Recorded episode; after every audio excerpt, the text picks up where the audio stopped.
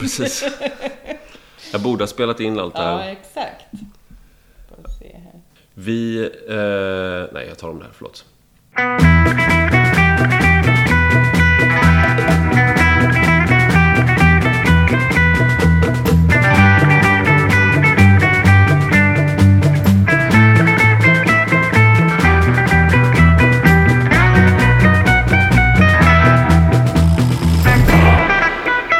Gäst heter Alice Teodorescu.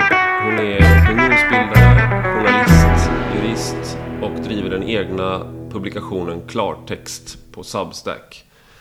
Precis som jag nästan, skulle man kunna säga då. Vi är Substack-kollegor och vi har också varit... Eh, jag känner Alice sedan eh, flera år. Vi har varit kollegor. Vi var båda sommarvikarier på Svenska Dagbladets ledarsida. Och sen var vi också kollegor en kort stund på en eh, nystartad tidning som jag inte kommer ihåg namnet på. Nej, inte jag heller. Nej. Den har vi glömt bort. Så nu säger jag, jag missade säkert någonting i eh, vad du har gjort i ditt CV och sådär, men om man vill läsa mer av Alice Teodorescu, som hon heter, det är hela hennes namn, då går man in på aliceteodorescu.se så kan man ta del av hennes publikation på Substack. Precis så. Klartext heter den. Klartext, ja precis. Välkommen Alice! Tack så mycket och välkommen själv. Tack!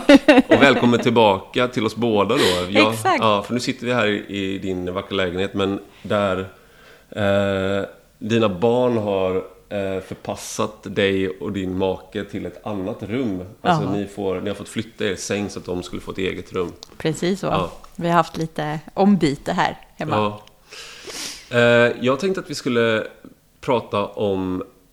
Jag har ju läst vad du har skrivit om de här frågorna, men det kanske finns någon som inte har gjort det. Men jag tänkte vi ville börja ändå med det som har dominerat den senaste tiden.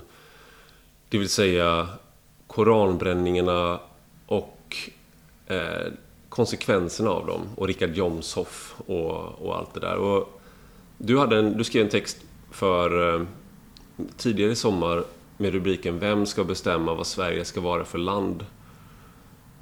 Och det känns ju uppenbart att det ska ju, det ska ju vi göra. Eh, och det känns som att om du, hade sagt, om du hade ställt den frågan i en annan kontext, alltså typ statsvetenskapligt seminarium eller bara några månader tidigare, så hade svaren varit så här, goddag yxskaft, att det gör ju Sveriges regering och det gör vi Vi bestämmer ju såklart. Men det känns inte riktigt som att det har varit det som är svaret på den här frågan eh, när man kollat i, i samband med de här händelserna. Nej, man kan väl säga att det framförallt är en känsla som bestämmer vem som ska bestämma i Sverige. Och den känslan är inte en, eh, en positiv känsla. Utan vi, vi fattar i mångt och mycket beslut idag utifrån dels rädsla eh, och dels någon slags oförmåga att föreställa oss vad som kan hända. Och därför fattar vi beslut när vi har dem upptryckta i ansiktet och krisen redan är ett faktum. Och det där blir ju väldigt eh, problematiskt. Jag har sett ganska många som argumenterar för att vi borde ha en ordning som den finska. Ehm, och det kan man argumentera för. Och det är möjligen rimligt att eh, ha en annan slags ordningslag. Men det är helt orimligt att införa den eh, i det här skedet. Och politik handlar ju väldigt mycket om timing. Och det är otroligt dålig timing att förändra någonting eh, som innebär ett steg tillbaka i, i eh, utvecklingen helt enkelt. Bara så att du, bara så att man är tydlig då med... För det... Tycker du att man ska eh, ändra på... För det, det som ligger på bordet är ju som verkar... Det som ska utredas eh, är att man ska kolla på hur ordningslagen kan ändras. Så att rikets säkerhet ska kunna vägas in. Ehm, och då har de varit väldigt noggranna med att säga att det absolut inte är några inskränkningar. Men det är ju det som är utredningens syfte. Vad, vad tänker du om det? Nej, men jag tänker att så länge som man har tolkat lagen som att den här sortens handlingar är yttranden. Eh, och så länge som domstolen utifrån rådande lagstiftning har bedömt att den sortens handlingar inryms inom lagen. eh, så innebär ju varje förändring som syftar till att den här sortens ageranden ska upphöra, ju till att inskränka yttrandefriheten. Mm. Eh, jag har väldigt svårt att förstå den argumentationen som regeringen för. Och i praktiken så blir väl eh, utfallet samma både i Sverige och Danmark, även om man går lite olika vägar. Och syftet och ambitionen är ju att få stopp på koranbränningar. Mm. Och därmed så har jag ju svårt att se liksom, de som tycker att det, det, svenska direktivet är så mycket bättre än den, det lagförslag som kommer från Danmark. Därför att det är ju bara olika sätt att uppnå samma sak. Mm. Och det som föranledde detta är ju inte någon principiell diskussion, för den har man haft flera decennier på sig att ta. Mm. Utan det som föranleder är ju de här händelserna och rädslan och hur det här då påverkar Sverige och Danmark, Danmarks säkerhet. Mm. Och då menar jag ju att genom att upphöja eh, säkerhetshotet till det som ska avgöra vad som ska tillåtas eller inte så skapar man också incitament för människor att bete sig på ett sätt som leder till ökade säkerhetshot. Så då har vi försatt oss i en situation där vi försöker lösa ett problem genom att skapa och mata det grundläggande problemet. Och det är att människor eh, inte förmår leva i en demokrati på ett demokratiskt vis. Vi såg ju bilder från Malmö igår eh, i samband med den koranbränningen som var där. Och där man står och hoppar på bilar, där man hade kastat en elsparkcykel och försökt förstöra den här demonstrationen. Så att man använder sig av demokratins hjälpmedel för att förändra demokratin och vi står och ser på. Mm. Och att moderata politiker är med och genomför det här tycker jag är ytterst bekymmersamt. Och det är någonting som jag absolut inte såg framför mig för ett år sedan. Man anklagade ju den här regeringen för att den skulle vara illiberal på en massa olika sätt. Men just det här var det ju ingen som ens föreställde sig. Och det intressanta här blir ju då också att när SD intar en helt annan position så får man ju också en annan dynamik på högerflanken. Mm. Eh, där SD då framstår som mer liberala än vad Moderaterna gör. Och det där tror jag kan straffa sig långsiktigt. En, en sak som är, är slående med det är ju att eh, man, eh, som du säger, om, om, när, om du utökar ordningslagen eh, på det sättet att du väger in rikets säkerhet så då, måste, då, då, sänder du signalen att om du är tillräckligt våldsam, hotfull mm. eh, och farlig mm. så kan du påverka eh, den politiska opinionen i Sverige mm. genom att vissa åsikter kommer inte kunna torgföras. Mm. Bokstavligt talat så mm. kommer du inte kunna ha det i offentligheten för att det är för farligt. Och, och då, jag, jag har svårt att, svårt att se hur det skulle vara en rimligare inskränkning än till exempel att, jag vet inte. För nu utreds ju Salman Momika för hets mot folkgrupp efter att han eh, brände Koranen eh, utanför Stockholms moské under eh, Eid, eh, liksom en högtid och då att det liksom allt sammanvägt skulle kunna ha en eh, nu hör vi polisen här i bakgrunden som kommer och hämtar oss. Jag bara förutsätter att det är det. Vi är att det här är hot mot rikets säkerhet. Bra, då har vi lyckats uppenbarligen. Ja, exakt. Ja. Nej, men, eh, så om, man, om man då skulle utöka, jag är emot att man skulle göra det också, men eh, det skulle i alla fall vara en eh, mindre inskränkning för att det skulle vara eh, någonting du döms för i efterhand och sen att eh, det är inte polisen. Ja, och det skulle inte vara så att polisen eh, bedömer vem som har rätt att demonstrera. Nej. Nej, för det är också en parameter i det här att i dagsläget så utfärdar ju polisen tillstånd för demonstrationen men inte för innehållet i det. Utan mm. det är liksom formen men inte innehållet. Men om man ändrar ordningslagen för att då kunna svara på frågan om det här är ett säkerhetshot så är ju frågan vad det är för information som man då måste kunna bedöma utifrån. Mm. Eh, och sen är frågan vem som ska göra den här bedömningen.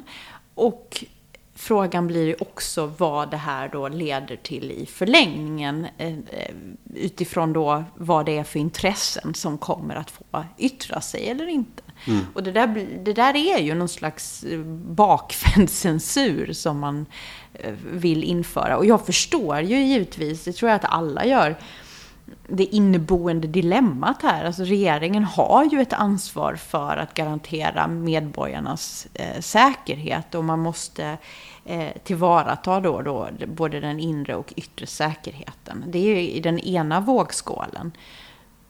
Men i den andra ligger ju allt det där som vi tänker oss att NATO ska hjälpa oss med för det fall att vi skulle eh, utsättas för, för en invasion eller liknande. Mm. Så att det är ju absolut en otroligt svår fråga. Men jag hade ju önskat att man hade varit mycket mer resolut från början och inte gett sig in i den här diskussionen och inte använt en retorik som man har gjort, där man har någonstans likställt alla, eh, alla handlingar som kan uppfattas som kränkande av muslimer för islamofobi. Mm.